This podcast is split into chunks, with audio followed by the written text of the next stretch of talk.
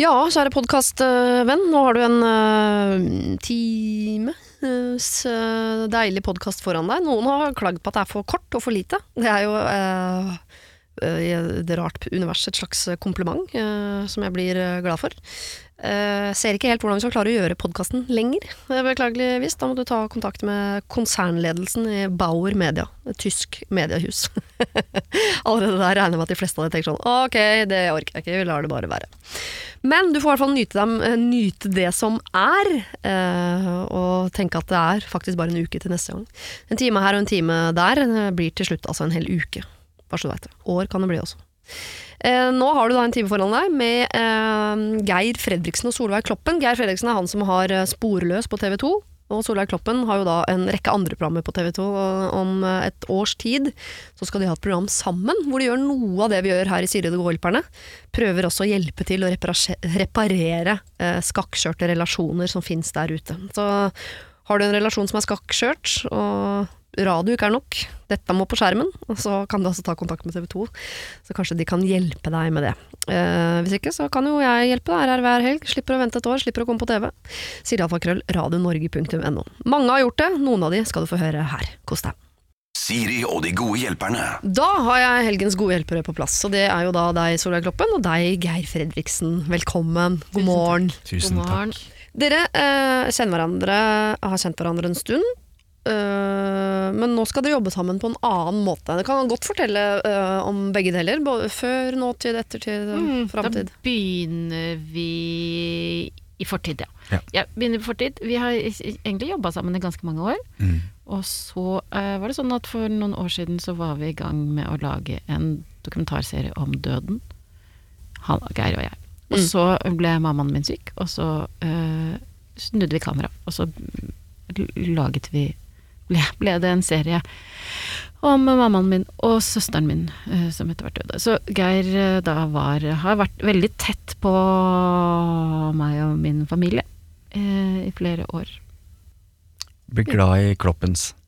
Altså Ja, og Kloppens er veldig glad i Geir Fredriksen. Og nå er dere så glad i hverandre at dere klarer ikke å slutte å jobbe sammen, så nå skal dere jobbe sammen på en annen måte. Mm. -hmm. Hva skal dere nå, da?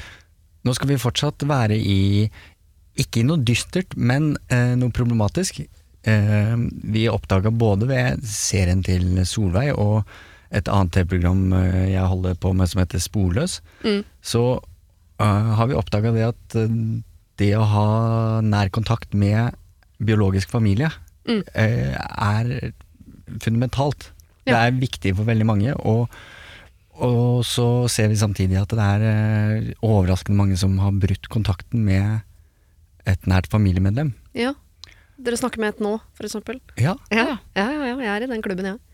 så spennende. Ja. Du trenger ikke å sende det sånn hundeblikket. Nei, for du- Ok. Det blir sikkert veldig bra på TV, men jeg trenger det ikke. Nei, for du har prøvd forson... Du har, du har jo egentlig prøvd å forsones med vedkommende. Ja, altså Jeg er forsonet med min far mentalt, men vi bare Ja. trenger ikke å ha den nei, nei, daglige, nei. eller egentlig kontakten Men- i det hele tatt. på en måte. Men Og det er det det handler ja. om. Mm. Ja. Vi skal, eh, vi skal se inn i de konfliktene, Mm. og hvorfor, eh, hvorfor folk bryter kontrakten, Mm. kontakten. Og så eh, er det ikke sånn at alle skal forsones, altså møtes og bli bestevenner igjen. Nei. Men en hel, nesten alle har behov for å forsones. Ja. Kanskje i seg selv. Så bare lande i at sånn skal det være. ja. Og få orden på historien sin. Og Ja. følelsene sine. Så dere prøver å finne ut av hvorfor det gikk som det gikk, og hvordan det skal fortsette å gå framover. Ja. Hvordan kan man leve med den historien? Ja. Shit. Hvordan, er, hvordan finner dere disse folka? Går dere bare rundt på gata og ser folk som ser triste ut, og så tar de til side? Eh, Nå i disse dager så ønsker vi at eh, folk skal melde seg på. Ja. Og det gjør de ved å skrive til en del av meg at tv2.no.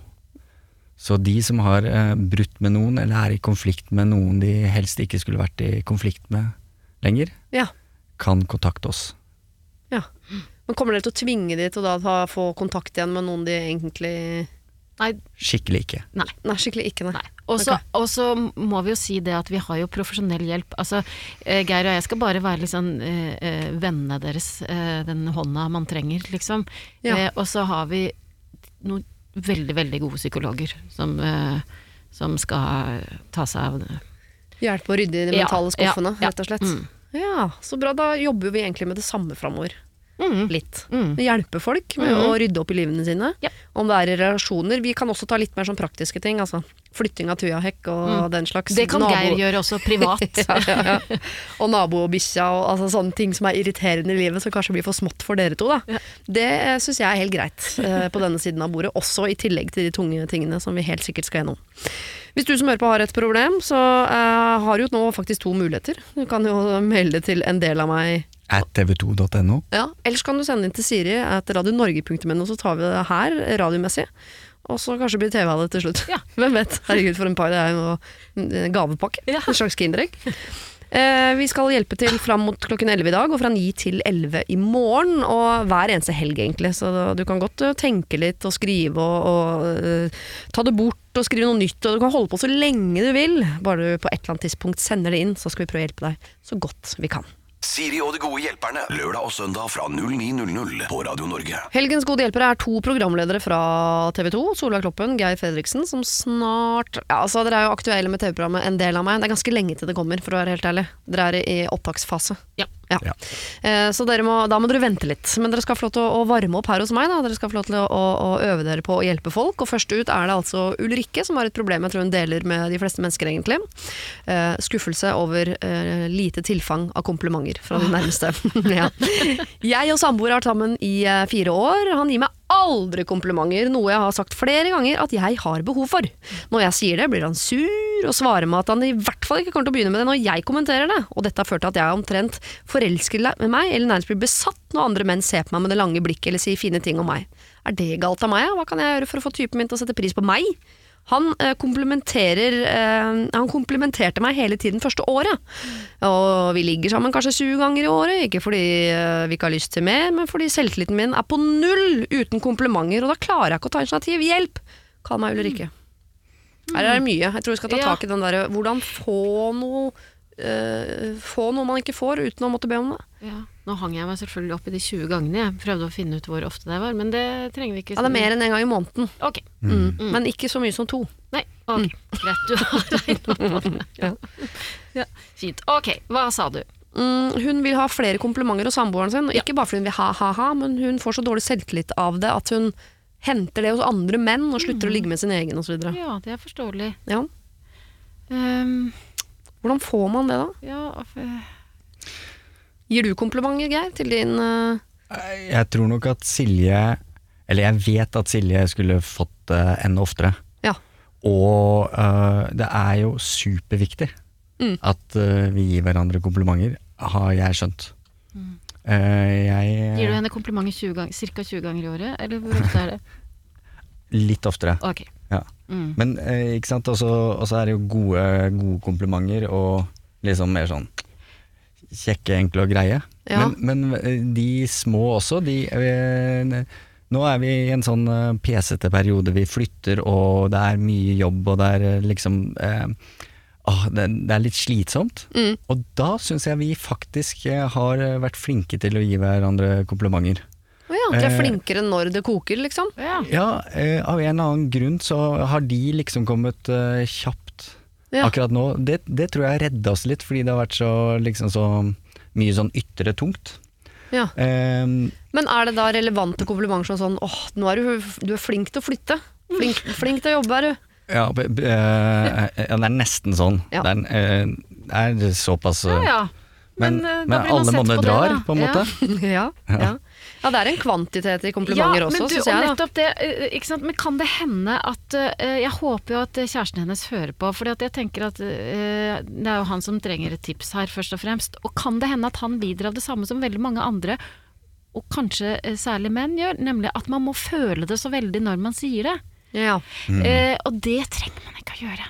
Nei, man, ju, man må ljuge masse. kan ljuge masse. Ja. Eh, eh, pass på Kanskje han kan lage seg en liten sånn regel for seg selv eneste På et eller annet tidspunkt i løpet av dagen så skal jeg gi kjæresten min et kompliment. ja. Om hva, det kan være hva som helst. Og kommer jeg ikke på noe, så bruker Så- jeg det jeg brukte i går. Ja. Det er lov. Skriv, ta, skriv en liste liksom, over ting du kan eh, gi henne kompliment for, og så sprer du det utover uka. I frykt for å høres kynisk ut, Ja. så tenker jeg også at uh, hvis man sliter med å liksom motivere seg til å komme med komplimenter, At man kan se på det som en slags investering. Ja. Da er vi tilbake på de 20 liggende. De kan fort bli 24, altså. Hvis du bare innimellom smetter inn en eh, 'Å, herregud, så fin rumpe du har'. Ja. Selv om du tenker 'nja, midt på treet', egentlig. Ja, eller, det her var godt ligg. òg. hei sann, nå er vi visst i gang igjen. Ja. ja, for jeg sier jo det til min mann, så jeg veldig ofte at han har Follos fineste rumpe. Ja, Mm. mener Det du har han. Eh, Jeg syns det før, Ja. men vi har vært sammen i tolv år, ting skjer. Ja. Uh, ikke med mitt syn, men mer sånn Med kroppslig. Follo. Med, hans, eh, med Follo. Det er at de har blitt bedre, og han har jo blitt gradvis eh, dårligere, på en måte. Men jeg sier det nå. Ja. Jeg tror han liker det, selv om han vet Selv om han innerst inne vet at nei da, den er Nei. ikke så fin lenger. Men Nei. det er hyggelig at hun sier det likevel. Ja, Ja, si et eller annet, liksom. ja.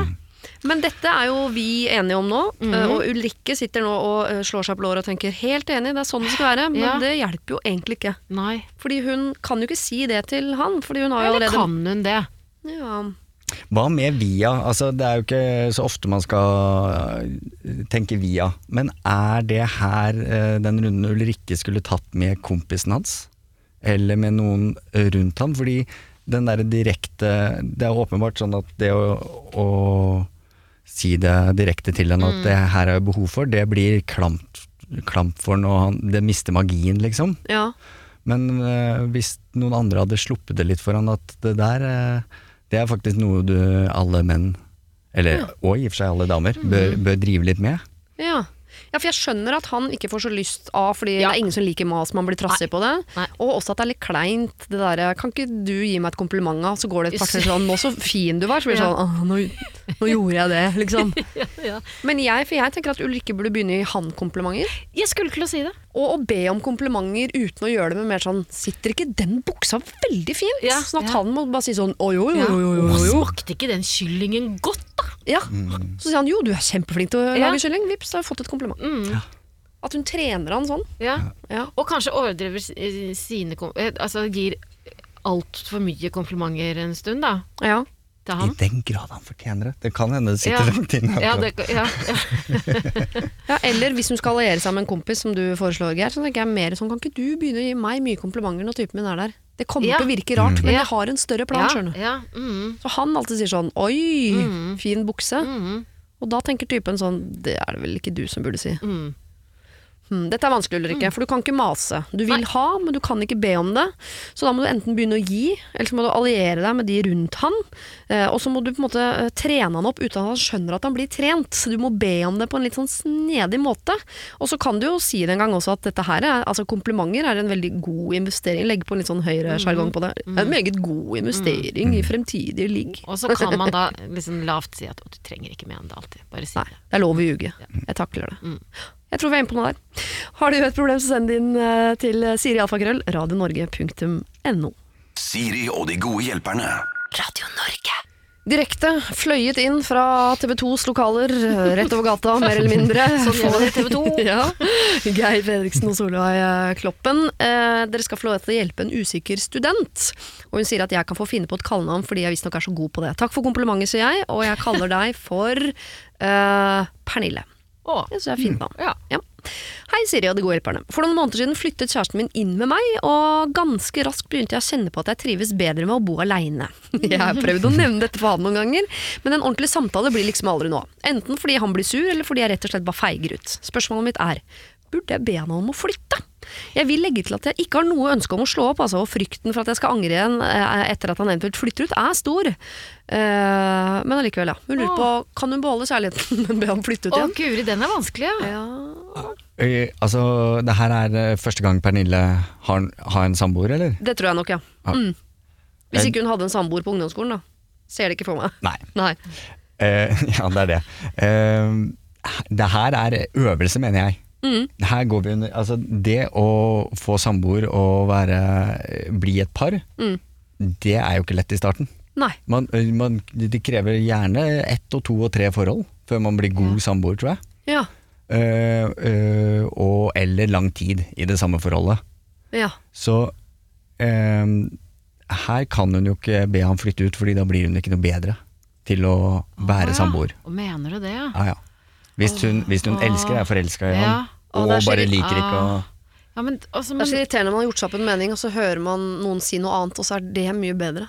Så må jeg forandre min ja, mening. jeg òg, for jeg, tenk, jeg har tenkte jo egentlig Nei, men jeg syns at du, Pernille, skal be han om å flytte ut. Fordi at kanskje du trenger de årene alene. Hvor gammel er hun? 20, kanskje? Ja.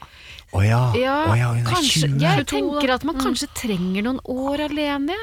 Ja. For du kommer rett fra jenterommet, liksom. ja, ja. noen ja. hengende over deg hele tida. Deilig å bo litt Det fikk ikke jeg med meg. Nei, du tenker At hun var 45, så Jeg trodde hun var Jeg så for meg at Pernille var eldre. Oh, ja, Skulle valgt et, eh, et yngre navn. Unnskyld. Janine.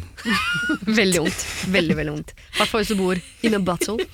Men eh, ja, jeg er litt enig med begge deler her. At hvis det, hvis det er det som bevarer kjærligheten, så er det jo fint med litt space. Det tror jeg kan være lurt for mange. Jeg har til og med foreslått det hjemme noen ganger. Sånn, hva om vi kjøper en leilighet i Oslo, så bor vi litt der for oss selv innimellom.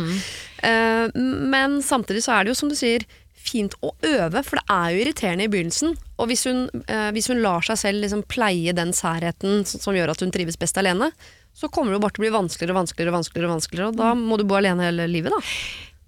Mm, jeg, jeg, jeg øh, husker eh, da jeg var sammen med eh, min forrige kjæreste, en skikkelig fin fyr.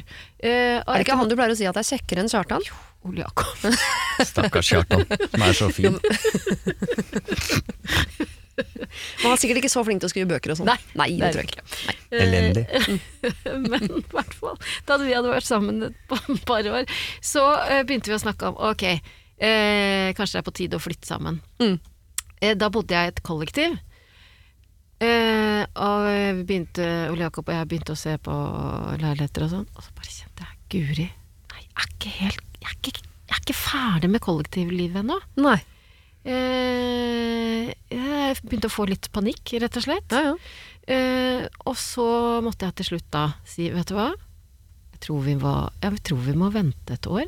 Ja. Eh, og det var en kjempevanskelig samtale å ta, men så var han da den fin og veldig pene mannen.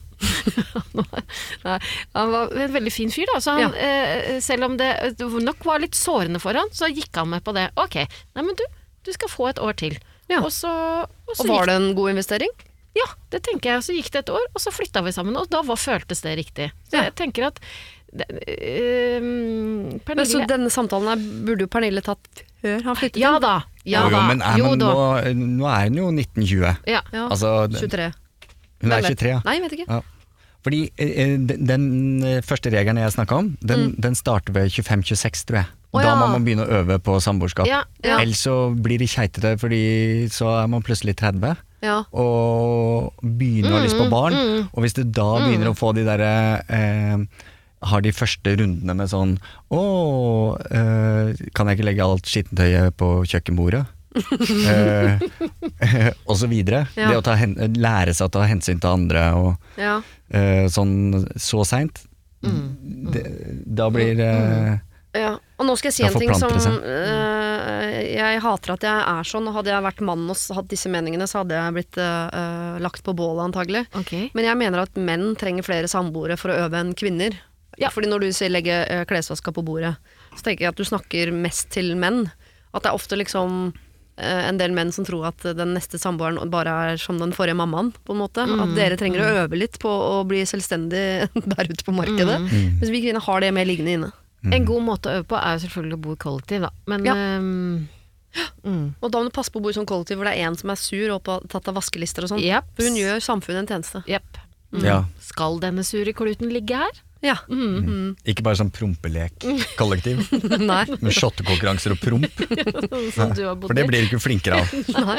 Skal gryter med ris stå i oppvaskkummen i to uker? Ja, bare stille retoriske spørsmål. det er veldig irriterende. Det orker man ikke i lengden, men en stund er det veldig, veldig bra. Ja.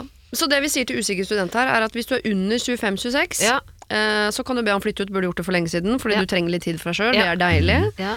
Eh, hvis du er over 25-26, så bør du ta dette som en uh, øvelse. For du skal enten over tre kneiker med han, eller over tre kneiker som da, uh, hvor han byttes ut med en ny, yep. før du på en måte har funnet en du orker å bo sammen med. Så eh, det vet du best selv, Pernille, hvor gammel du er. Hvis ikke så titter du på pass eller annen legitimasjon du har liggende. Eh, og så går du da for den løsningen som passer best til din aldersgruppe. Siri og de gode hjelperne. Lørdag og søndag fra 09.00 på Radio Norge. Fra Sporløs på TV 2, Geir Fredriksen, og fra de, alle de andre programmene på TV 2, Solveig Kloppen.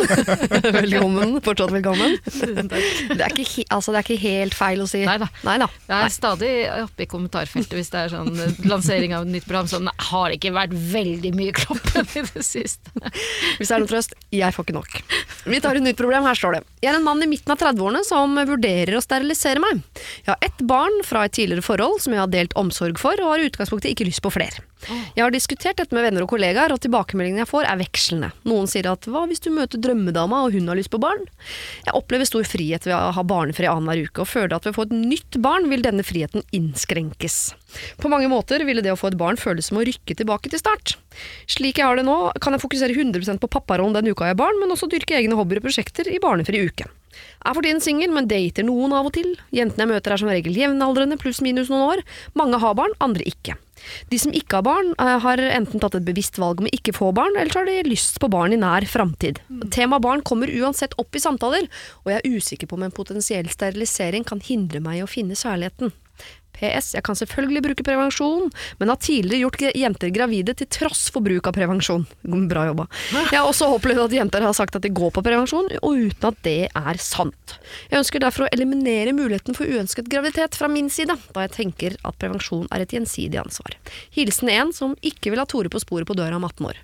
Eller deg Eller da, Geir Geir. Fredriksen. Ikke sant? Ja. Ja.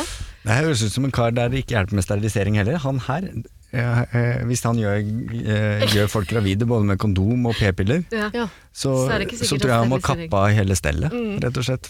Ja, for er ikke sterilisering 100? Er det 99 bare? Det er 99 har jeg hørt. ja, det har jeg. Ja. Det tror jeg òg. Han her er 1 nå, altså. Mm. Oh, han, Han er- har han er- meget svømmedyktige små menn der nede. Ja. Ja.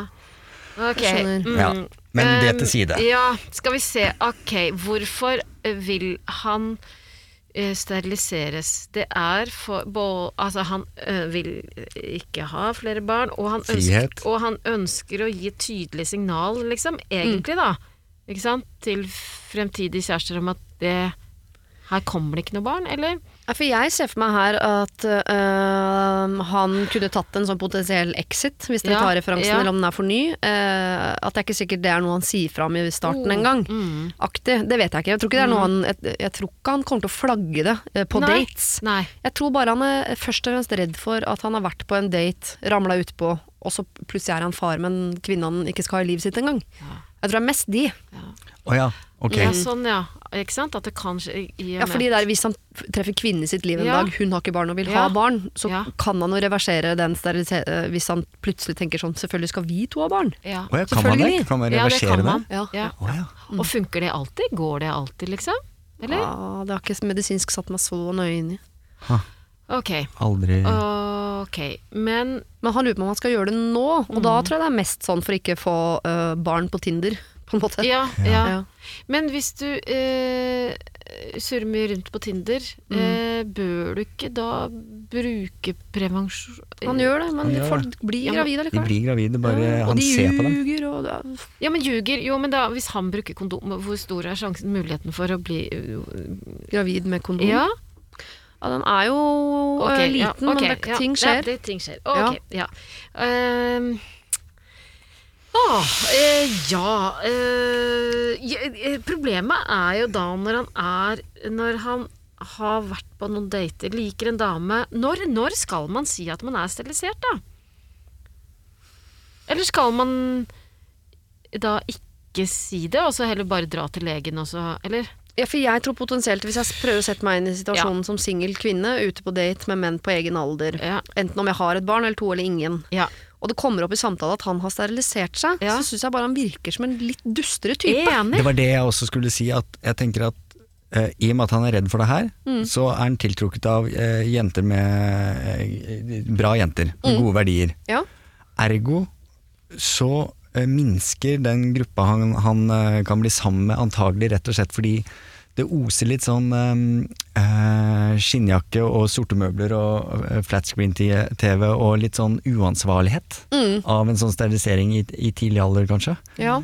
Samtidig som når jeg leser mailen, så syns jeg han virker som en veldig sånn reflektert og egentlig en veldig bra Ja. mann. Ja. Og han har jo alle de riktige grunnene for å gjøre det. Ja. Ja. Jeg, bare, jeg tror, hvis han treffer jenter som Jeg, jeg tror man kan høre ordet sterilisering og bare legge inn en flatscreen-TV og en svart skinnsofa selv om den ikke er der. Så jeg tror at signaleffekten av det kan ødelegge mer enn uh, en man er klar over. da. Han har, han har en lengre jobb å gjøre i den samtalen etter han har sagt det. Ja, for da må du også legge til sånn, Selv om jeg elsker jo barn, og hvis du Ja. skulle være kvinnen i mitt liv, så kan vi jo reversere det, og så kan vi altså Det blir en veldig sånn åh, Eller tenker han at det er et alternativ å gjøre det, men ikke si det, da? Ja, for det, er- Det altså, heier Igjen tilbake til. Exit. Det ser jo ikke ut Nei, som en god plan, men, Nei. Men eh, det er jo selvfølgelig Du kan sterilisere deg, ikke si det før du er i et forhold. For Hvis du er i et alvorlig forhold og hun sier 'vi driver og prøver å få barn', Ja. da må du ikke svare mm, mm, og vite at du er steril. Nei, da må du se på Exit først, i hvert fall. Ja. Jeg tenker at han kan sterilisere seg uten å si det før eh, det er eh, Før han må. Ja, men er, man må det ganske fort. Hvis han er i midten av 30-åra og dater eh, damer på samme alder, Ja, ja, ja, ja, Ja. så- som ja. da ikke har barn, Mm. det er, eh, da er barn høyt oppe på agendaen. Mm. Ja. Sånn at det å um, danse mye rundt si, han må si det før man er i fast forhold, han må si det på en måte i innledende fase. ja, Eller så må han ikke si noe om det, da, og så må han rett og slett gå til legen og gjøre noe med det. Men Ja, det er jo ikke bra. Jeg skjønner, Hvis han hadde vært steril fra naturens side, at jeg Ja. kan aldri få Ja. barn, så Ja. tror jeg jeg som kvinne kanskje ville Det ville jeg ha visst. Ja. Men hvis han er i en situasjon at jeg kan ikke få barn akkurat nå, men øh, det kan jeg gjøre noe med, Ja. så tenker jeg at det trenger ikke jeg å vite før Nei. vi Fordi det er ikke sikkert Du aner jo ikke hvem du blir sammen med. Du kan bli sammen med en som heller ikke vil ha barn, da blir det aldri et problem. Eller du kan bli sammen med en som gjør at du får lyst på barn. Da er det egentlig heller ikke noe problem, for du må bare ja, Ja. Så lenge dere slang inn det at det er reversibelt, Ja. det visste jo ikke jeg. Nei. Uh, men hvis det er bare noe man kan skru av og på i Ja, hytt så og pine, burde egentlig alle menn burde gjøre det. alle- Burde alle gjøre det? Ja, jeg har mast litt hjemme på det, jeg. Hvorfor skal jeg drive og proppe kroppen min full? At jeg har holdt på med det siden jeg var 14, det er din tur. aktig. Mm. Men det er jo noe med at menn syns det er bare det å tukle med tissen oh, ja. Ja. man har, Det høres vondt ut. Mm. Mm, Det vet jeg ikke om det er. Skal jeg ikke si noe. Hva skal vi si da til han her? Skal han, eh, han Her har vi jo skissert noen løsninger, da. Eh, vær litt forsiktig med det signalet det sender. Eh, kanskje du skal gjøre det, men i så fall ikke si det før det eventuelt blir et problem. Før du eventuelt sitter eh, på et kryss av bordet med kvinnen du elsker som har lyst på barn. Da må dere gjøre Ja, noe. Ja. Eller så kanskje kvinnen i ditt liv heller ikke vil ha barn. Da blir det aldri et problem. Så her og nå, ja, kanskje du skal gjøre det. Bare ikke snakk om det sånn Ikke legg det ut på Tinder-profilen, liksom. Mm -mm. Ikke lur folk heller. Mm. Veldig blanda signaler. Ah, ja. Bruk kondom, da. Ja. Bruk kondom. Mm. Det er rådet vi gir. Kysse. Siri og de gode hjelperne. Send oss en e-post på siri at radionorge.no. For eh, nøyaktig en uke siden så eh, var det Samantha Skogran og Stian Staysman som var mine to gode hjelpere her eh, i programmet. Og da tok jeg opp et problem fra en som ville bli kalt for Ellinor, som var en jente på 23 år som hadde gått til fysioterapeut noen måneder. Skulle nå avslutte behandlingstimene hos han, men ville bli bedre kjent med fysioterapeuten. Hun syntes han altså var eh, så kjekk, og hun følte at det var en kjemi der, og eh, lurte på om hun, eh, eller hvordan hun kunne bli bedre kjent med sin egen fysioterapeut. Eh, jeg var vel blant de strengeste i gruppa på at det tror jeg vel kanskje nesten ikke er lov, eller skal man det? Eh, Vi hadde en god, lang prat på det, og endte til slutt opp på jo da, tommel opp. Selvfølgelig kan du sende han en melding. Eh, Du skal få høre noen av argumentene underveis som gjorde at vi kom til nettopp denne konklusjonen. Generelt spørsmål først. Mm -hmm. Hvorfor er det så mange pene fysioterapeuter? Ja, altså, eh, har det første jeg ville gjort, da, hvis det var meg, var jo å prøve å finne ut litt mer på sosiale medier. eh, ikke sant? Som fysioterapeut da, så har man jo en slags eh, makt over henne. Mm.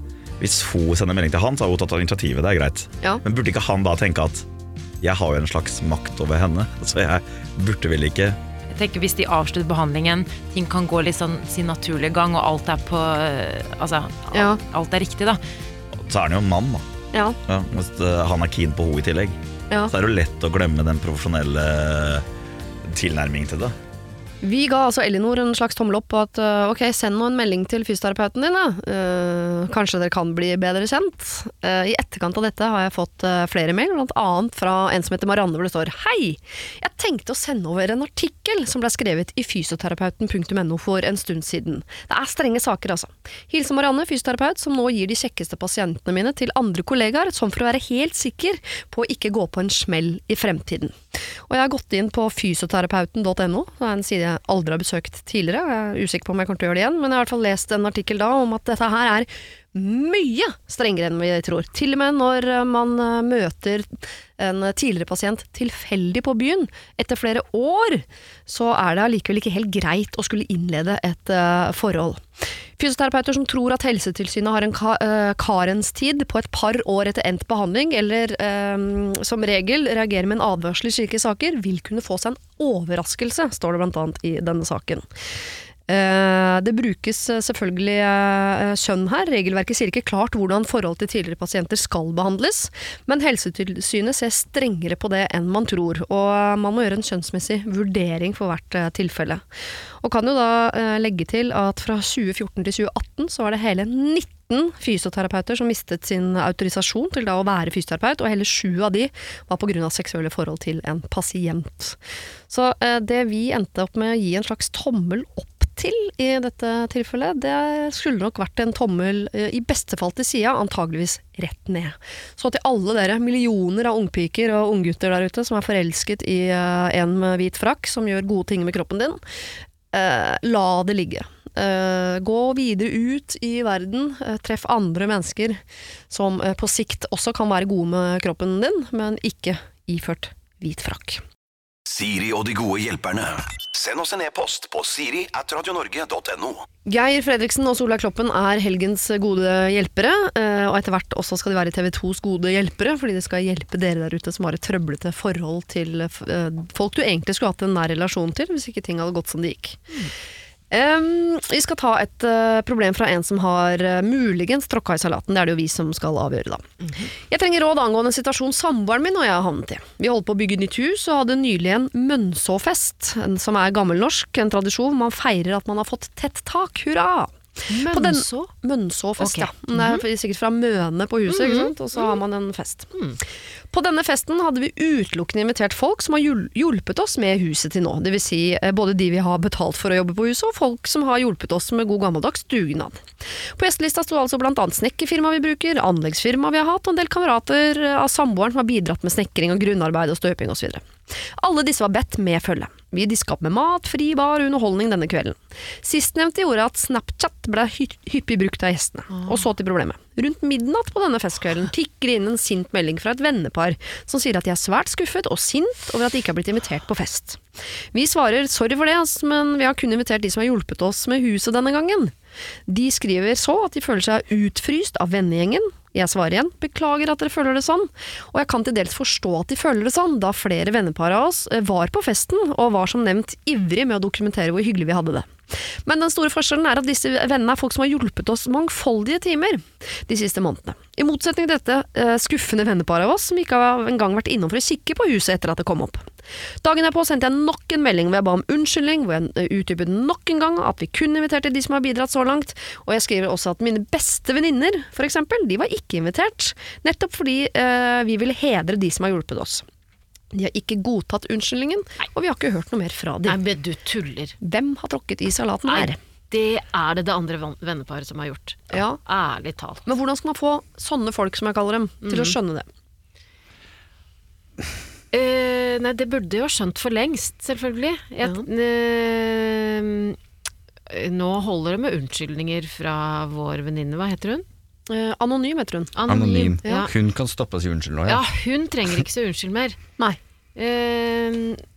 Det, jeg tenker at det, eh, det hun kan gjøre nå, er å sende en melding og si 'har du lyst til å komme og se' Dere har jo ikke vært her ennå. Har dere lyst til å komme og spise vafler og se det nye huset på Mm. lørdag? Ja. Hilsen Hvis hun anonym. ønsker forsoning. Hvis hun ønsker forsoning. Ja.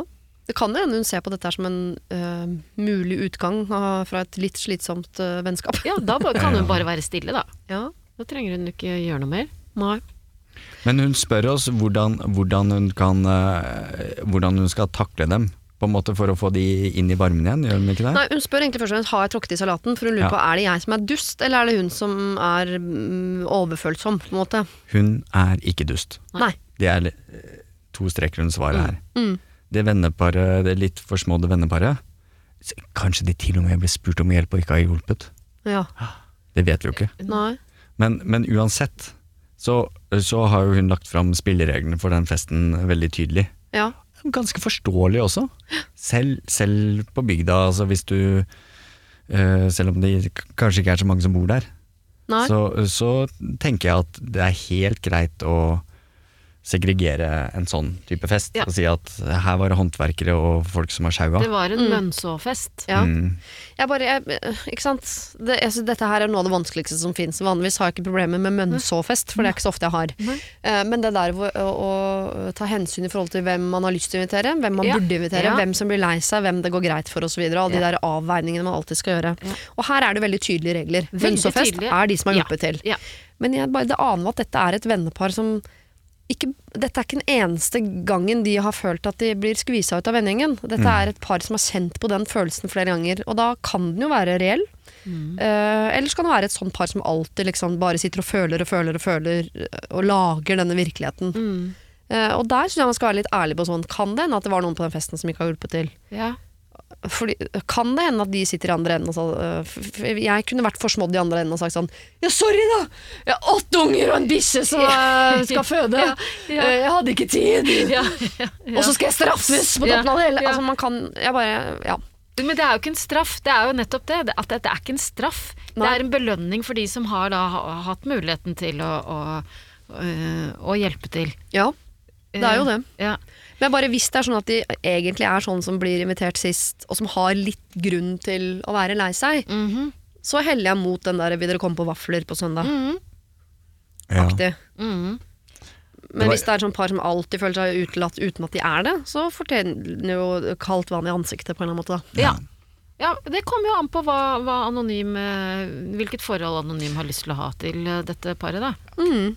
For nå ligger jo eh, egentlig ballen hos dem. Ja. Så hun kan jo velge å bare la den ligge der, eller så kan hun da huitt, fort ta den litt tilbake og, og sende den eh, med en vaffelinvitasjon tilbake. Det er en nydelig mulighet til å bli kvitt to hvis de er et energisug. Ja. Hvis de er sånn furtere, sånn generelt. Sånn man må liksom eh, trå varsomt rundt. ja. Ja, da kan du bare være stille nå, og så fader de litt ut. Ja, det er en gyllen anledning til det. Mm. Men hvis de er en del av en større gjeng, som Ja. de kanskje er, så ja, blir det jo det blir jo alltid vanskelig for alle. da. Da er det vafler. Ja. Ok, så hvis, hvis du, Ja. dere vil ha de i livet deres, så kan dere godt her på en måte være the bigger party og invitere på vafler. Um, eller hvis dette er folk dere man- ikke vil ha, så kan dere fade det ut. Men hvis de har lyst til å sende et signal om at ah, nå tar dere feil nok en gang, nå Ja. sitter dere med Ja. følelser som ikke er riktig. Ja, men det, vet du hva? Da inviterer de på vafler, og så passer det på, før de kommer på vafler, så skal de henge opp sånne små skilt overalt. Denne, vegg, den, denne veggen har Irene og Kjell malt. Sånn, ikke sant? sånn at eh, man ser over Å ja, guri, ja. ja. For det var virkelig sånn, ja. Ja. Og være veldig tydelig på sånn Vel, ja. Ja. Vi har ikke fått 40-årsdagen, rydd- selvfølgelig. Altså, Ja. Mm. Beklager at jeg rotet her, vi har ikke fått rydda etter Mønsåfesten. Du ser både hammer og spiker, og Mm. mm. Ja. granen er fortsatt Oi, i møne. her ligger snekkerbuksa til eh, Mm. Odd igjen. Ja. Mm. Ja. Ja, her har man altså flere muligheter. Er dette et eh, energisug, folk du har lyst til å bli kvitt, så er det bare å la eh, ballen ligge helt død, sitte helt rolig i, ballen, eh, i båten. Ikke sitte rolig i ballen, det er kjempevanskelig. Men hvis dette er folk du har lyst til å ha i livet ditt, og som tenker at å nei, nå er de lei seg, det var dumt, det pleier de ikke å være, og her må vi liksom Så eh, tar du rømme og syltetøy på den ballen, og serverer den da som en vaffel, og forsoner deg på den måten. Men eh, dette høres ut som et litt sånn sutrete par. Kunne vært deilig å slippe. Ja. Radio Norge. Helgens gode hjelpere er eh, Solveig Kloppen fra TV 2 og Geir Fredriksen også fra TV 2. Snart eh, programlederpar på TV 2. Ja. Eh, jeg tenkte jeg skulle spørre dere om eh, Jeg spør alltid liksom, hjelperne hvordan de er som oh, ja. mamma, som bror, som et eller annet. Eh, men hvordan er dere som venn? Ikke nødvendigvis hverandre, men styrker og svakheter som eh, generell venn. Oi! Mm. Burde du kanskje sendt dette på mail på forhånd, merker jeg, men ja. kan bare ta det nå. Japp. Mm. Uh, jeg tror at jeg er ganske god uh, når jeg er der. Mm. Uh, ganske sånn til stede når jeg først er der. Mm. Men så kan jeg nok være litt sånn Min svakhet er nok at jeg eh, eh, er, litt overalt. Ja. Eh, litt vanskelig kanskje å nå av og til. Er det en eh, yrkesskade, eller er det en mm, personlighet? Tror du? Hvis du hadde jobba med blomsterbutikk, da. Ja. Ja, Så hadde du vært sånn da tror du? Ja, kanskje. Ja. Mm. Hvordan er det med langdistanse? Altså, eh, hun skikkelig god venninne som flytta. Mm. Mister kontakten med hun, eller? Eh, ja, men alli... Ja, jo, det ja. vil jeg Jo, men, men den gangen i året vi ses, så hadde det vært helt topp. Ikke sant? Ja. Ja. Mm. Åssen er du, Geir? Som Men- kompis, da? Nå var det kjedelig å, å være sist, fordi eh, jeg skulle nesten si akkurat det samme. Oh ja. Bare at litt bedre formulert. Nei, jo, jo, litt, er sva litt svakere formulert av det. Jeg hadde brukt flere bilder. Altså bare, ja. Eh, jeg tenker at eh, fordi jeg liker å, å snakke om eh, nære problematiske ting, for den saks skyld, Mm. eh, så tenker jeg at eh, jeg er eh, god på det å kunne være der hvis det, eh, hvis det trengs, ordentlig. Ja. Og så er jeg lite til stede ellers, farter, Jeg har liksom mye å gjøre, jeg er dårlig til å følge opp. øh. ja. Du sier at du er god når det trengs. Det er veldig mange som sier om seg selv, og så er det litt sånn halvveis riktig. For altså, må du ringesetter og si sånn Nå er jeg lei meg, jeg trenger å, å snakke. Eller kan tenke sånn Nå tror jeg Henrik har det tøft. Jeg drar bort med noe uh, kyllingsuppe og en blomsterkast.' og så tvinger jeg han til å snakke om følelser. Jeg, jeg kan ta initiativ Ja. uh, da. Det er ikke sånn at jeg Dere vet jo hvor dere når meg, hvis det skulle være noe. men men uh, nei, det er en jeg- deilig måte nemlig å være raus på, men også vite at Ja. det er veldig sjelden noen som leverer inn det loddet. Ja. Men øhm, jeg, skulle, øh, jeg har en av tingene jeg har lyst til å være, er øh, flinkere til å være øh, oftere venn til, til de jeg anser som nærme. Ja. Men- Men er Du ikke er du, go- du er- småbarnspappa? Jo, Ja, er Jeg opplever at du er en nær og god venn, Geir. takk i like måte. ja. Og så Er fader vi ut. ja, En gang neste produksjon er over. Rett ut i kulda. Hvordan er du, Siri? Eh, nei, det er jo øh, Jeg sier som formann, kjedelig å være sist, for jeg skulle sagt akkurat det dere sa, Ja. bare med litt, på en litt bedre måte. Ja. Det er rart at jeg sa det i går til en venninne. Så Sånn, jeg er jo flink når jeg er der, Ja. men det er litt sånn out of sight. Out of, jeg har ikke noen sånn enorme sosiale behov. Så jeg kan være aleine hjemme i fire uker Ja. uten å tenke over at det fins noen der ute som jeg kunne vært så jeg- Det, det slår meg ikke. Mm. Så venninner som flytter og sånn, ja, nei. Ja. Mm, ja, jeg er ferdig, liksom. Ja. Det vet jeg at venninnen min som har flytta til India, kommer til å hate å høre. Det beklager jeg. Oi, Kommer i mars! det gjør jeg faktisk i kjøpebilletter. Flytta til India, du. Ja, det. Ja, men da er vi tre ganske like venner. Da. Så vi Ja, si at så vi da tre vi har det veldig hyggelig nå. Ja. Kommer aldri til å snakke sammen igjen på utsiden av dette rommet. Aldri, aldri, aldri. Nei, da vet dere det, dere som hører på. Og så kunne vi vel eh, blitt litt flinkere til å se folk oftere. Det tror jeg gjelder oss alle sammen. Ja. Siri og de gode hjelperne. Geir Fredriksen og Solveig Kloppen fra TV 2 er helgens gode hjelpere, og skal nå hjelpe Katinka. Her står det. Hei Siri. Jeg har av diverse årsaker valgt å slutte på det stedet hvor jeg er lærling i frisørfaget. Mm, Grunnen til det er at jeg absolutt ikke trives i salongen, og at det er et ræva arbeidsmiljø der. Dette kom veldig fram etter at jeg har vært sykemeldt en stund. Folk slutta bare å prate med meg, de overså meg. Mistrivselen på arbeidsplassen har følt at jeg har gått inn i en eh, depresjon, som dessverre går utover min samboer. Jeg har vært sint og lei meg hele tiden. Og vært på nippet til å uh, si at vi kanskje burde gått hvert til vårt, da jeg har forandra meg så mye etter at jeg begynte å jobbe i denne salongen. Eh, Men problemet mitt nå er hvordan jeg skal fortelle det til familien min. Jeg er 24 år gammel, jeg har leilighet, jeg har samboer, jeg har to hester, jeg har en hund. Jeg føler at jeg klarer meg relativt bra selv. Og jeg har tatt dette valget for min egen helse. Men jeg har en følelse av at min mor og far dessverre ikke ser det slik. Min mor har alltid vært den som kommenterer hvordan jeg ser ut og hva jeg gjør, noe som gjør at jeg verken kan fortelle eller prate med henne om noe som helst. Og som uh, gjør at jeg også går på nåler rundt henne. Jeg forventer bare å få den skyllebøtta tilbake, noe jeg syns er veldig trist. Så hva mener dere, kjære gode hjelpere? Skal jeg bare si det og få den reale skyllebøtta, eller skal jeg la være å si noe, noe som er litt vanskelig, i og med at hun kommer til å prøve å bestille time hos meg snart? Hva syns dere jeg skal gjøre? Kall meg Katinka. Åh, Katin. det er Katinka. Hun har valgt å slutte som lærling i frisørfaget, men har ikke sagt noe til mor. Nei.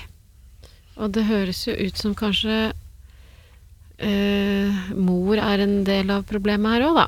Ja, Sant? Hvis man har vokst opp med at uh, man ikke er egentlig bra nok, Mm. uh, så skaper det fort problemer i andre relasjoner òg. ja.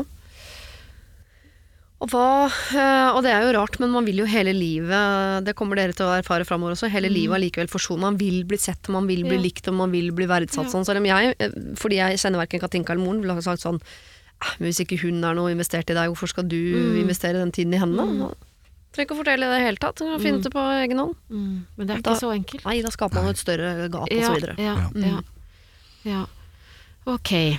Det står ikke noe om Katinka har vært på Det er det første stedet hun har vært uh, lærling. Hun har ikke en, en historie på det, liksom. At uh, At hun også slutta Ja, som lærling, rørlegger Mm, ja, og ja, ja. pølsemaker og sånn. Mm. Nei, det tror jeg ikke. Nei. Ok. Um, det som kan være et alternativ, er jo Jeg vet ikke hvor lett det er å få lærlingplass, jeg, i, som frisørstudent. Nei, altså eh, Frisørsalong er jo det det er mest av i dette Ja. landet, ved siden av steder du får kjøpt pizza. Ja, Eh, så men det, det går jo an å, å tenke ok, jeg må jo ha Jeg har fortsatt lyst til å Hvis hun fortsatt har lyst til å bli frisør, Mm. så ville jeg kanskje begynt med å gå til de andre frisørsalongene i, i byen mm, og spørre har dere behov for en lærling. Ja. Og få, skaffe meg en ny plass. Og Mm. så fortelle mor Ja. hva, at, uh, hva som har skjedd. ja, fordi da pleaser hun den delen av moren som har gjort at hun er som hun er, nemlig at hun ikke kan fortelle om nederlagene, bare om seierne, på en måte. Ja, Ja. mm, jeg hører når du sier det på den måten. Så er ikke det Retorisk spørsmål. Ja, ja, ja, men, men eh, ja, skal Det ene, det, men det gode med ditt forslag, da, Solveig, jeg må jo ta henne i forsvar, Ja, ja, for vi er jo et Ja. slags programlederteam, Ja. det er jo at, eh, som Solveig sier, at hvis hun skal finne en lærlingplass igjen, så Mm. er det, eh, moren er god bensin på å få fart på, på, på søkingen. Ja.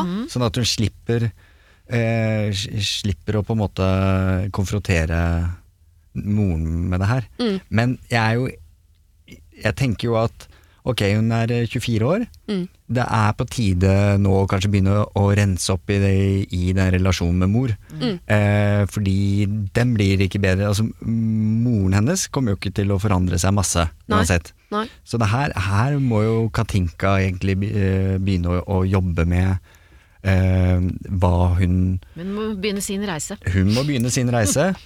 eh, og, og den handler jo om å sørge for i bunn og grunn å ikke bli såra av mor lenger. Mm. Og ikke la seg bli styrt heller av den derre gjennomsiktige, eh, sivende forventningen Ja, ja. Fra, fra mor. Ja, for jeg tenker at Katinka, du må jo absolutt fortsette å finne et annet sted du kan være lærling, eller hvis det er et annet yrke. Altså, du må jo for din egen del finne noe mer å gjøre. Hva skal du gjøre framover, hva skal du gjøre med Mm. livet ditt og ut av sånn. Men ikke, Ikke gjør det for ikke på grunn av mor. Det tenker jeg det er et annet problem.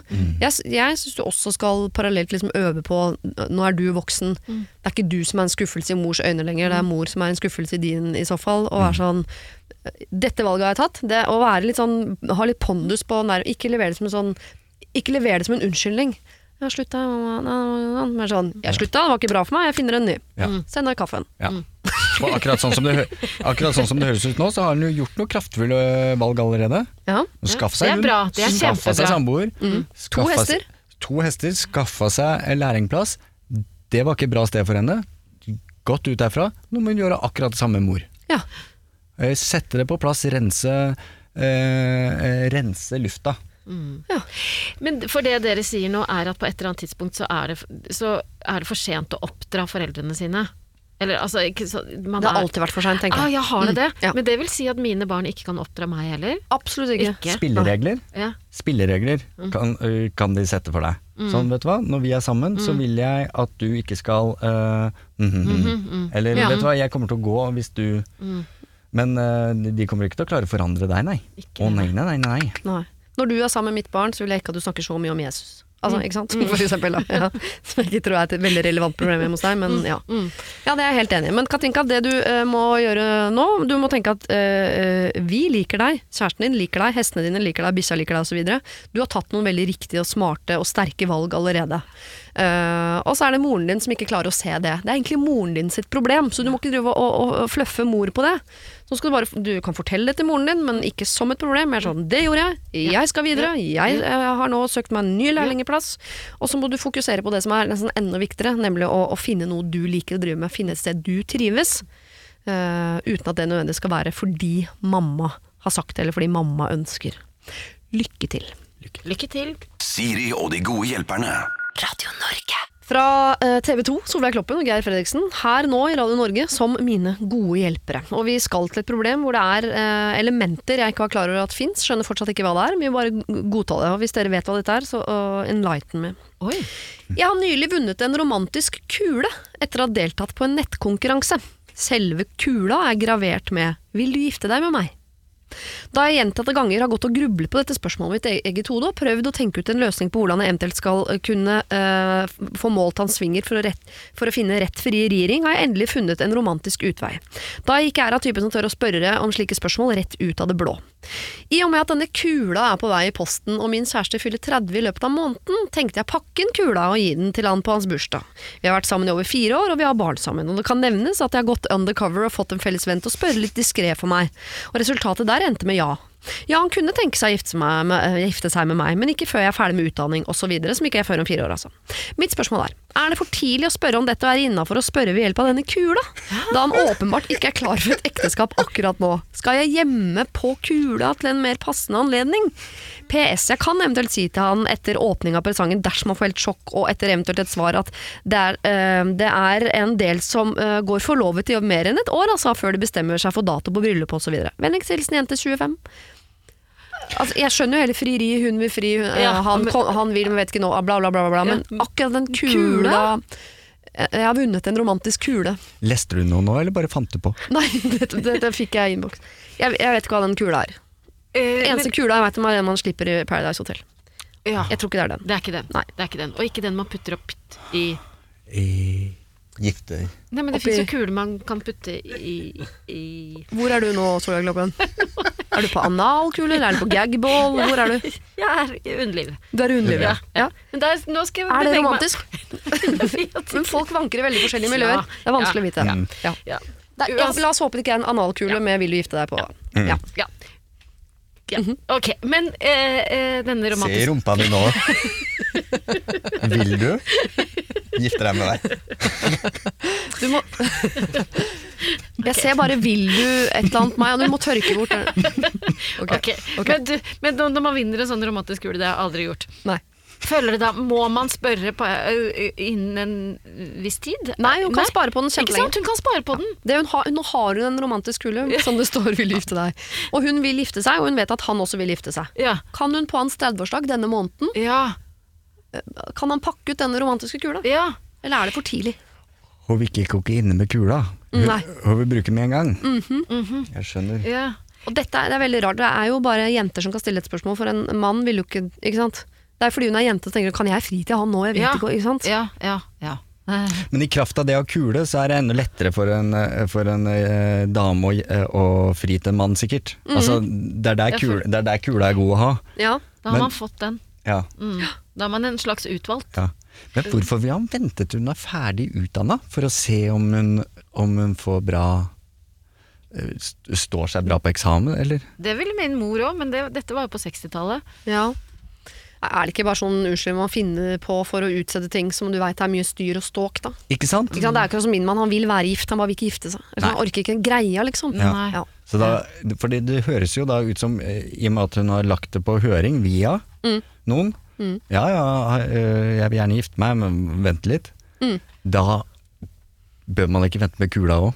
Bruk nå gjerne den kula, Ja. men, men eh, den, eh, det høres jo ut som Du syns du skal vente?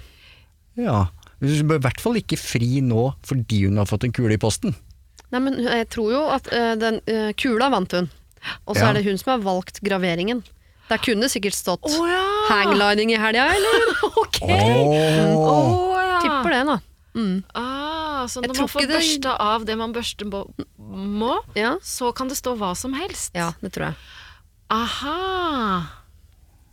Å ja, og så Mm. Har hun da valgt Ja, altså hun vil det, men det er ikke mm, Hun vil gifte seg med han. Ja. mm. Ja. Han vil gifte seg med henne Ja. om fire år, ja. Og hun lurer på om hun kan fri. Er det ikke med alt da som man tenker at å, det blir mye vi gjør det seinere, men idet du får det veldig sånn konkret foran deg, Ja. vil du, Mm. så gjør man det, og så elsker man det. Mm. Og det var jo en farken så fin kule òg, Ja. tenker man sikkert òg. Mm. Får vel si ja. Um, jeg ville jo jeg bare Nå prøver jeg å tenke hva jeg Jeg ville jo aldri fridd hvis jeg visste at uh, Kjartan tenkte. Nei. Eh, nei, det har jeg Jo, kanskje, men ikke før om fire år. Hvis du visste at Kjartan var en sånn type som han ville gifte seg, men han kom bare aldri til å få ut fingeren sjæl. Han kommer til å utsette og utsette og utsette, og resultatet er at vi aldri blir gift. Mm. Da hadde det jo hjulpet øh... For det, det, det som kan være lurt da, er jo at Fordi at Kjartan fridde til meg Ja. i april. Eh, eh, og, og da, med frieriet, så kom det også Så viste det seg at da, da hadde han bestilt kirke i august. Han hadde liksom ordna ja. han Ja, hadde liksom du ble bare invitert, jeg ble du? egentlig invitert, og det syns jeg var veldig ok. Eh, fordi at jeg har aldri hatt noe drøm om å arrangere noe stort bryllup, liksom. Så det var kjempedeilig. Kanskje Kanskje hun kan gjøre det på den måten? Ja. Ikke sant? For da var det på en måte han som også Han og svigermor arrangerte hele bryllupet. ja. Fantastisk. Mhm. Jeg foreslår, når kula kommer i posten, Ja. finn ut produsenten av kula, Ja. bestill én kule til. Der står det 'Vil du inngå en langsiktig eh, forlovelse med meg?' Forlovelseskule. ja. Og så holder du gifte seg-kula, Mm. frierikula, i, i skuffen. Ja. Eller Og slenger ut, slenger ut forlovelseskula. ja. Da har du to Å, ja. kuler. Ja. Og, Ja. en, og ei lita skilsmissekule kan være greit å bestille. En vet jo, Jeg sier sånn vet jo aldri. grupperabatt. Grupperabatt på Ja. kuler. Romantiske kuler. Ok, eh, eh, kjære jente 25, vi hang oss veldig opp i den kula, det beklager jeg. Kanskje det er en snøkule, sånn som du rister på for eksempel. At det er noe sånt, vet ikke. Eh, eller en analkule, som jo eh, var Solveigs første innskytelse. Eh, uansett, det er ikke egentlig så viktig. Jeg beklager at vi har brukt opp dyrebar eh, tid, unnskyld. som er din, Ja. på den kula. Ja. Uh, men vi tenker at, jeg tenker at du kan spørre nå, hvis han er en sånn fyr som trenger å bli igangsatt. Eh, Solveig syns det hørtes litt skummelt ut, og det foreslås her altså at du må finne flere kuler. Men kanskje vi bare møtes på midten og sier at gi nå for guds skyld kula, men skriv også et romantisk brev. Hvor du skriver noe om dette med sånn Vi kan være forlovet i mange år. Ikke sant? Vi Ja. trenger ikke gjøre det nå. Eller vi kan gjøre det nå, i i Eller- morgen. ja, jeg eller har ordna sånn at vi kan gjøre det i morgen òg, Ja. hvis du syns det er mye styr. Ja. Alt er opp til deg. ja. Ja. Ikke gå, vær så snill. ja, bli hos meg, se meg. PS er ikke gæren. Bare legg, altså, bare legg det til. Ja. Siri og de gode hjelperne. Send oss en e-post på siri at radionorge.no. Solveig Kloppen og Geir Fredriksen, dere er helgens gode hjelpere her på Radio Norge. Vanligvis jobber dere i TV 2, begge to. Eh, nå skal vi hjelpe en som vi kaller for Maja. Maja har vært kronisk syk i fem år og har sykdommen ME. Hun har små barn i barnehagealder. Livet er vanskelig, eh, og hun sier at det er en, altså en vanskelig og det er en ensom sykdom. Hele kroppen er under angrep, og ensom medisin eh, er smertelindring og hvile. Eh, Det er ensomt fordi ingen forstår dette, bortsett fra eh, min mann og min mor. Her er problemet hun vil at vi skal hjelpe henne med. Vi får ikke gjort noe med MN eller det greiene der, eh, men dette er et vennskapsproblem. Vi har en liten, sammensveiset venninnegjeng som jeg er veldig glad i. Siste ett og et halvt åra har jeg ikke klart å treffe dem i noe særlig grad, bortsett fra på telefon og sosiale medier. Uh, uh, hun har ikke energi til å treffe de sånn på ordentlig. Ellers består livet mitt i å ligge i sengen mens barna er i barnehagen, slik at jeg kan være sammen med de når de kommer hjem. Jeg har en venninne som eh, vi kan kalle hypokonder. Da eh, jeg begynte å bli syk, begynte også hun å bli syk. Og eh, hadde jeg forverring, så hadde hun også forverring. Min venninne er under utredning, og jeg tviler ikke på at hun er dårlig, men hun er ikke sånn dårlig som meg. Jeg syns ikke dette burde være en konkurranse, men det tror jeg kanskje hun syns. Jeg har nå fått høre at hun prater en del nedsettende om meg til de andre vennene våre. At jeg forsøker å konkurrere med henne, at ingen forstår hvor syk hun er, at jeg gjør meg sykere enn jeg er, osv. Så mine hjelpemidler, eh, som elektrisk scooter, rullestol, rullator og de tingene der, er visst bare show-off, har hun sagt. Hvem i all verden ønsker å gå med små barn og rullator? Jeg har forsøkt å hjelpe min eh, venninne, men hun mener da at hun også har ME, selv om hun ikke har de klassiske symptomene på dette. Eh, men når jeg har forsøkt å hjelpe, ler hun av meg eh, til de andre venninnene og sier at jeg er nedlatende og besserwisser. At jeg ikke aner hvor syk hun er osv. Jeg forstår at hun er dårlig, og jeg forstår at hun er fortvilet, men hun eh, har fortsatt store deler av livet sitt, mens jeg bare har en rullator og ser ut som en gammel dame. Jeg føler meg enormt alene, og nå også veldig misforstått. Jeg vet ikke hva jeg skal gjøre. Jeg får lyst til å forklare min situasjon til de andre vennene mine, jeg ønsker ikke denne sykdommen til min verste fiende, og jeg har ingen interesse av å konkurrere om dette. Men nå føler jeg meg redd, fordi jeg blir mer og mer alvorlig syk og har små barn, og jeg er ensom. Så hva skal jeg gjøre? Hilsen Maja. Her er det mye vi kan ta tak i, men jeg tror vi skal eh, i første omgang fokusere på dette med hun venninnen som, eh, som konkurrerer i uh, NM i ME. Ja. Og vi kan si øh, veldig ålreit av Maja å, å skrive inn, da, fordi øh, det er jo Eller det er jo smart hvis man føler seg ensom. Ja. Allerede nå så har jeg medfølelse for Maja. Og jeg skjønner, det er en sykdom, øh, vet jeg, øh, og det har dere hatt fin dokumentar om på TV 2 også, øh, at det er en sykdom det er vanskelig å få forstå, forståelse for. Det er lett at folk rundt tenker 'ta deg sammen', da. Er ikke bare å stå ja. på. Gå deg en tur rundt huset. Kom igjen, ikke vær så sløv. Og det tror jeg, ensomheten i å ikke bli forstått, tror jeg her er helt enorm. Mm. Men hun kaller jo da hun venninnen sin for uh, hypokonder. Mm. Um, Det vet man, det er jo en annen diagnose på en måte som man ikke skal slenge rundt ja, seg, men ja, ja. ja.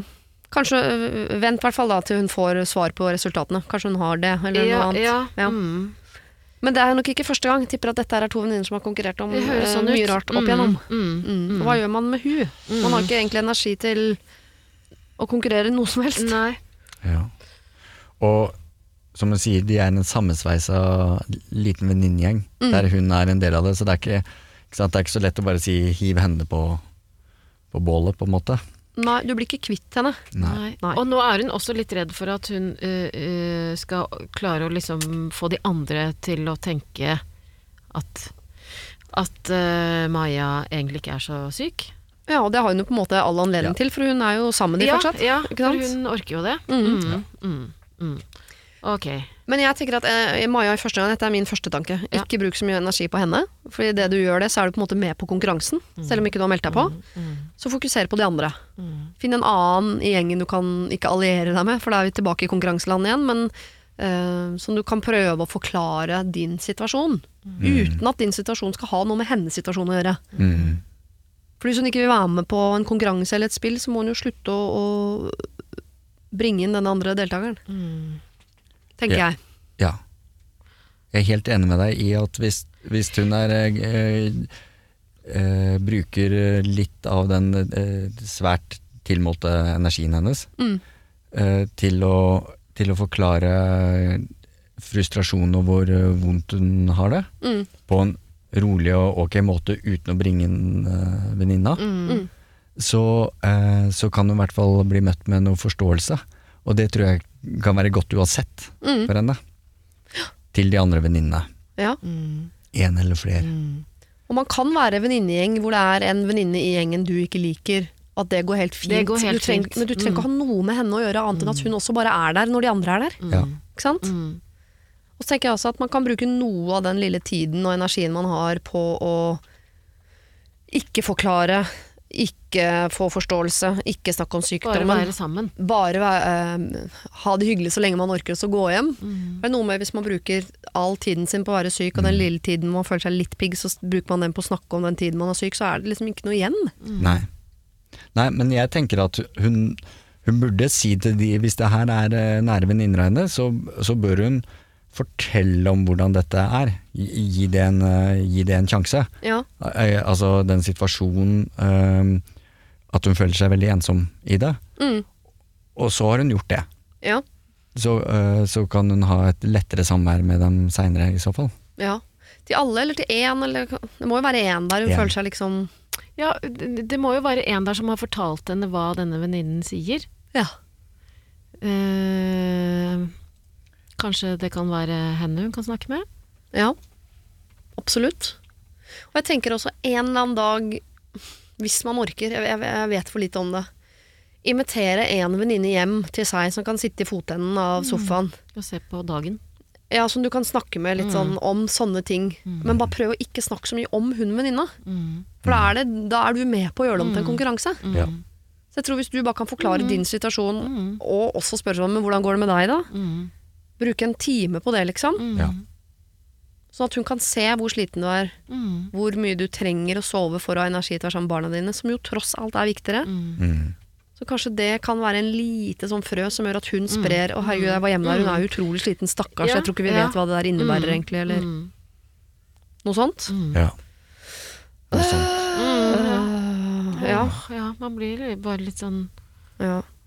Og se den ME-dokumentaren. da. Det virker og å hele Siri og det som en kjempelang reklame for TV 2. Men eh, var, det var en del fordommer jeg hadde mot ME som, ble, som forsvant etter å ha sett den dokumentaren, så det kan være lurt. Den bør venninnegjengen se. Absolutt. Ja, Også hun venninnen som tror dette er en konkurranse. Mm. Eh, Jeg håper du orker, Maja, og setter deg ned med én venninne i hvert fall, forklare dette. Og jeg håper du kanskje kan få mer energi ved å ikke bruke den lille du har på hun, som gjør om dette her til et eh, spill. Bare prøv å overse henne. eh, og prøv å ha det hyggelig med de andre venninnene den lille tiden du faktisk orker. Siri og de gode hjelperne. Lørdag og søndag fra 09.00 på Radio Norge. Hver eneste helg her i Siri og de gode hjelperne så eh, ber jeg dere om å sende inn tilbakemeldinger. eh, kanskje helst fra dere som har fått hjelp til et problem dere har sendt inn, i forhold til Fikk du den hjelpa du trengte? Er vi helt på bærtur? Eh, eller eh, gjorde du det vi sa? Funka det? Har livet blitt bedre? Har det blitt dårligere? Turte du ikke å gjøre som vi sa? Eller hva, eh, hva tenker du nå? Det er tilbakemelding vi setter veldig veldig pris på. Selvfølgelig blir vi jo ekstra glad når det går bra, men de gangene det ikke har gått så bra, så lærer vi også noe av det. Men så hender det også at vi får tilbakemelding fra dere andre som ikke har sendt inn problem, men som hører på altså, vår behandling av problemer her.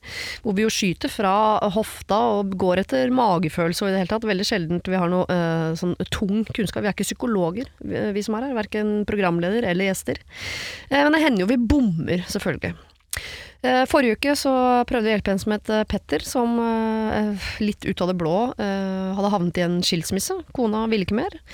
Seks uker etter at denne nyheten ble droppet i fanget hans, så har da denne mm, fortsatt kona, men som da ønsker å ta ut separasjon, blitt observert hånd i hånd med en eldre mann på vei ut av en kinosal, da en venn av Petter. Og Petter lurte på om er det greit, er det vanlig?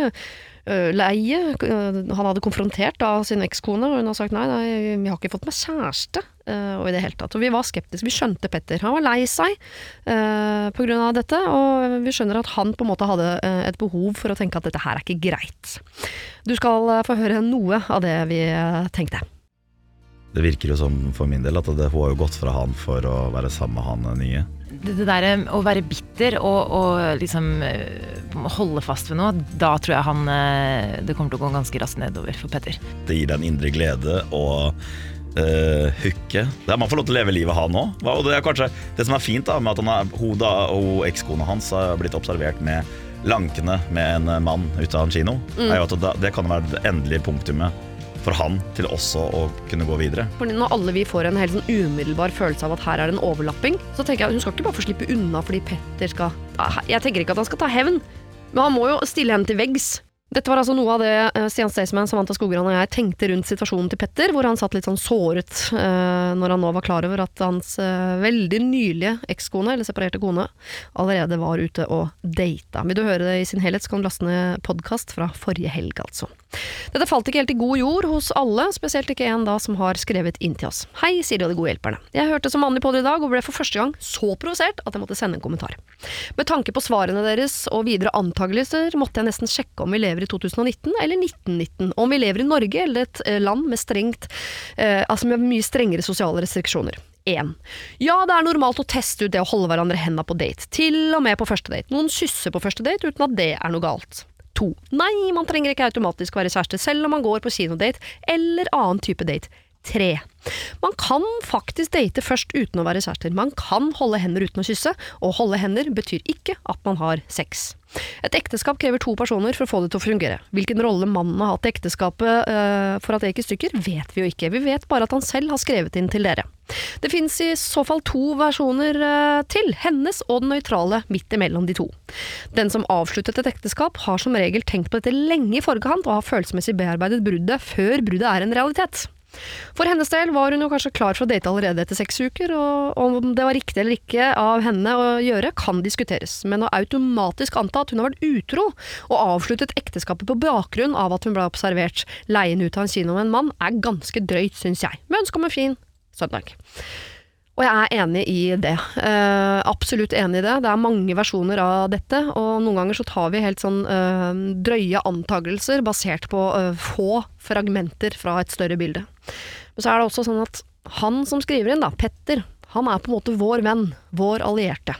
Det er han vi skal hjelpe. Det er hans følelser vi skal forstå, og noen ganger må vi nyansere det og si at nå må du uh, ta deg sammen, her må vi tuppe deg litt i baken, nå må du få opp øya.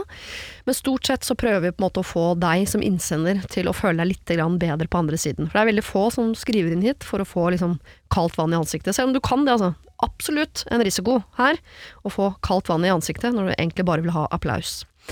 Men her gikk vi kanskje litt langt da, i å bare stryke Petter medhårs, basert på de tingene han hadde sendt inn, men her syns jeg på en måte vi hadde med en, en trist mann å gjøre, en mann som var uh, lei seg, en mann som trengte at noen forsto han og støttet han, Om hvorvidt det er riktig, ja, det er ikke sikkert det var, altså. Å prøve å være litt mindre kategorisk i uh, fremtiden, men uh, altså, i det kategoriske ligger jo også humoren, og det må jeg si, etter 40 år, vanskelig hest å klyve ned fra. Men jeg er enig med deg. Eh, jeg eh, forstår deg, og jeg er også enig, men jeg kan allikevel ikke garantere at det ikke skjer igjen, dessverre. Siri og de gode hjelperne. Helgens gode hjelpere her hos meg er eh, Solveig Kloppen og Geir Fredriksen fra TV 2. Og vi skal ta et problem fra en vi kan kalle hva vi vil. Og nå er det din tur, til, Geir, til å finne på et navn. Jack. Jack, ja. Åh, ja. Da ser jeg for meg en nordlending. Ja, det er en kvinne, men det får gå. Jeg har et problem som jeg håper dere kan hjelpe meg med. Jeg og samboeren har vært sammen i snart fem år. Han er 26, jeg er 24. Jeg har gjennom hele forholdet vært åpen om at jeg på sikt ønsker meg barn, og han har sagt at han er usikker og at han ikke vil tenke på det før det er aktuelt, men har ikke utelukket at det er, utelukket at det er en mulighet. Sist vi pratet om dette sa han at han ikke ville ha barn da, øh, det var øh, et arbeid og en utgift han ikke var interessert i. Jeg spurte om det var noe som kunne endre seg på sikt, og svarte da at øh, det var lite sannsynlig. Jeg spurte om øh, hva han tenkte om oss da, når vi har så forskjellig syn på dette, og det sa han at var opp til meg. Så hva tenker dere, skal jeg være sammen noen år til og se om han får lyst på barn? Vi har passa nieser og nevøer og sånn, og det syns han er veldig koselig, og når vi er ute med barnevogn har han lyst til å trille og sånn, så det ser jo ut som han er glad i barn. Jeg tenker at det er dumt å være sammen i fem år til, for så å finne ut at det er uaktuelt, og så må jeg finne en annen.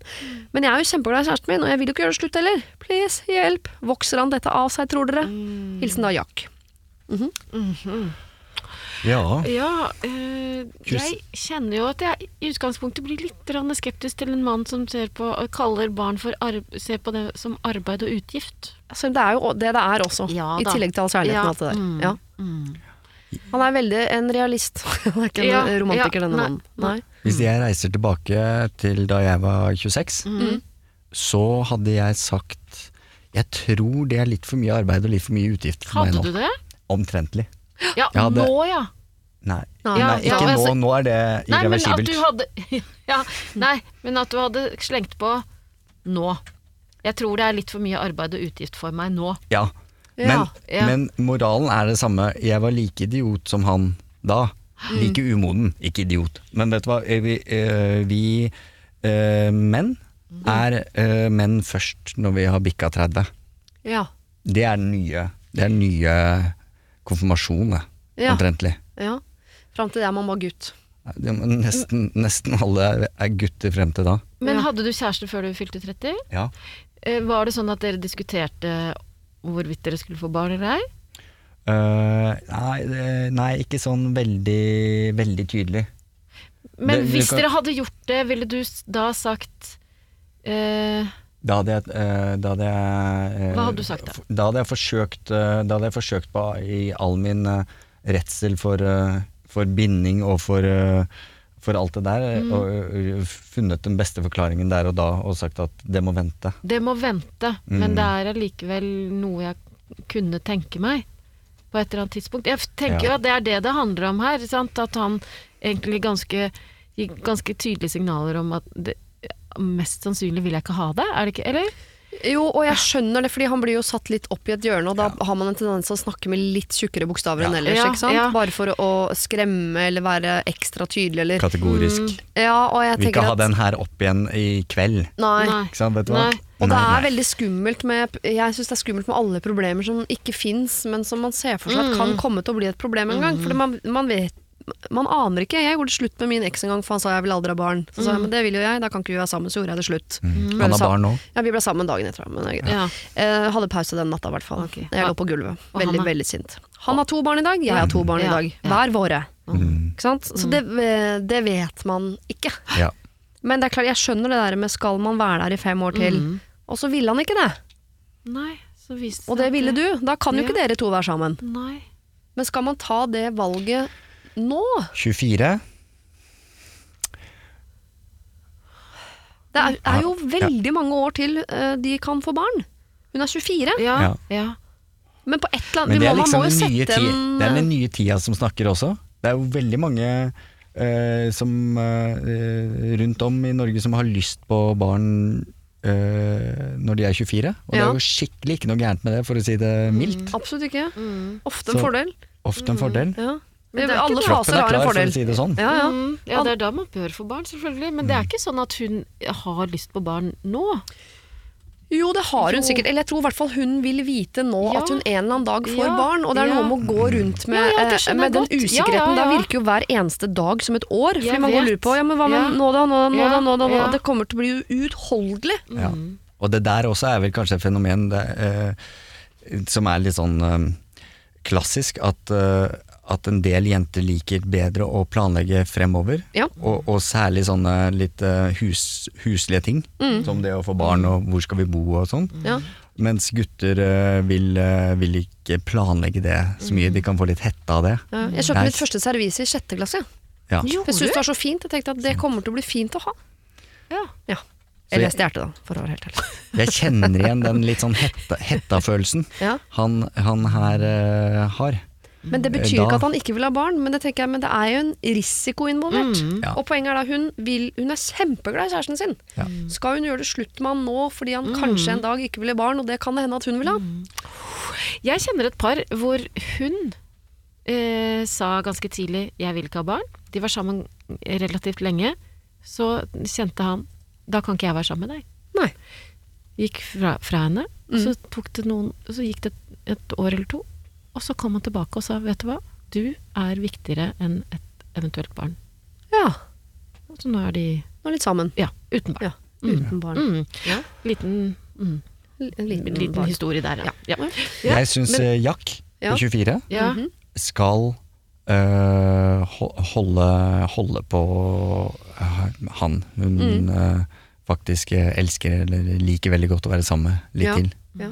For, øh, fordi det er så uforutsigbart uh, når, han, når det plutselig slår inn en modenhet Ja. hos han på det Kan vi kalle han Jill, for det er faktisk en serie hvor Jack er en jente og Jill det er en mann. er. Ja. Jeg, jeg er enig med deg på det, men jeg tenker at hun kan være strengere på å si at jeg trenger at du sier ja eller nei. uh, ikke noe kanskje, eh, men at vi er åpne for at vi tar en ny prat om hva da? Fire to år? To år. To år. Ja.